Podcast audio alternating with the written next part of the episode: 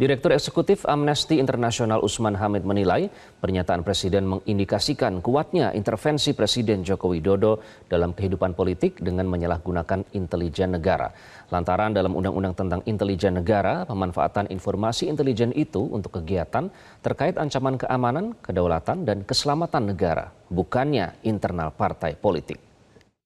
Nah, hasil keluaran dari analisis intelijen tersebut dituangkan di dalam kebijakan publik di sektor keamanan nasional. Jadi misalnya untuk mendeteksi atau menciptakan sistem peringatan dini terkait dengan keamanan nasional.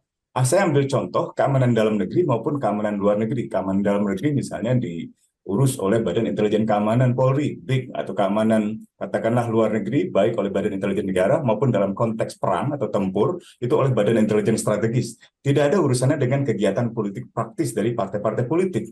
Nah, dalam Undang-Undang Nomor 17 tahun 2011, di sana dikatakan informasi-informasi intelijen yang digali itu adalah yang dilakukan informasi yang terkait dengan kegiatan seseorang atau kelompok orang yang terkait dengan tindakan misalnya terorisme atau separatisme atau spionase atau sabotase yang mengancam keamanan, kedaulatan dan keselamatan negara. Jadi bukan kegiatan partai politik, apalagi internal partai politik. Jelajahi cara baru mendapatkan informasi. Download Metro TV Extend sekarang.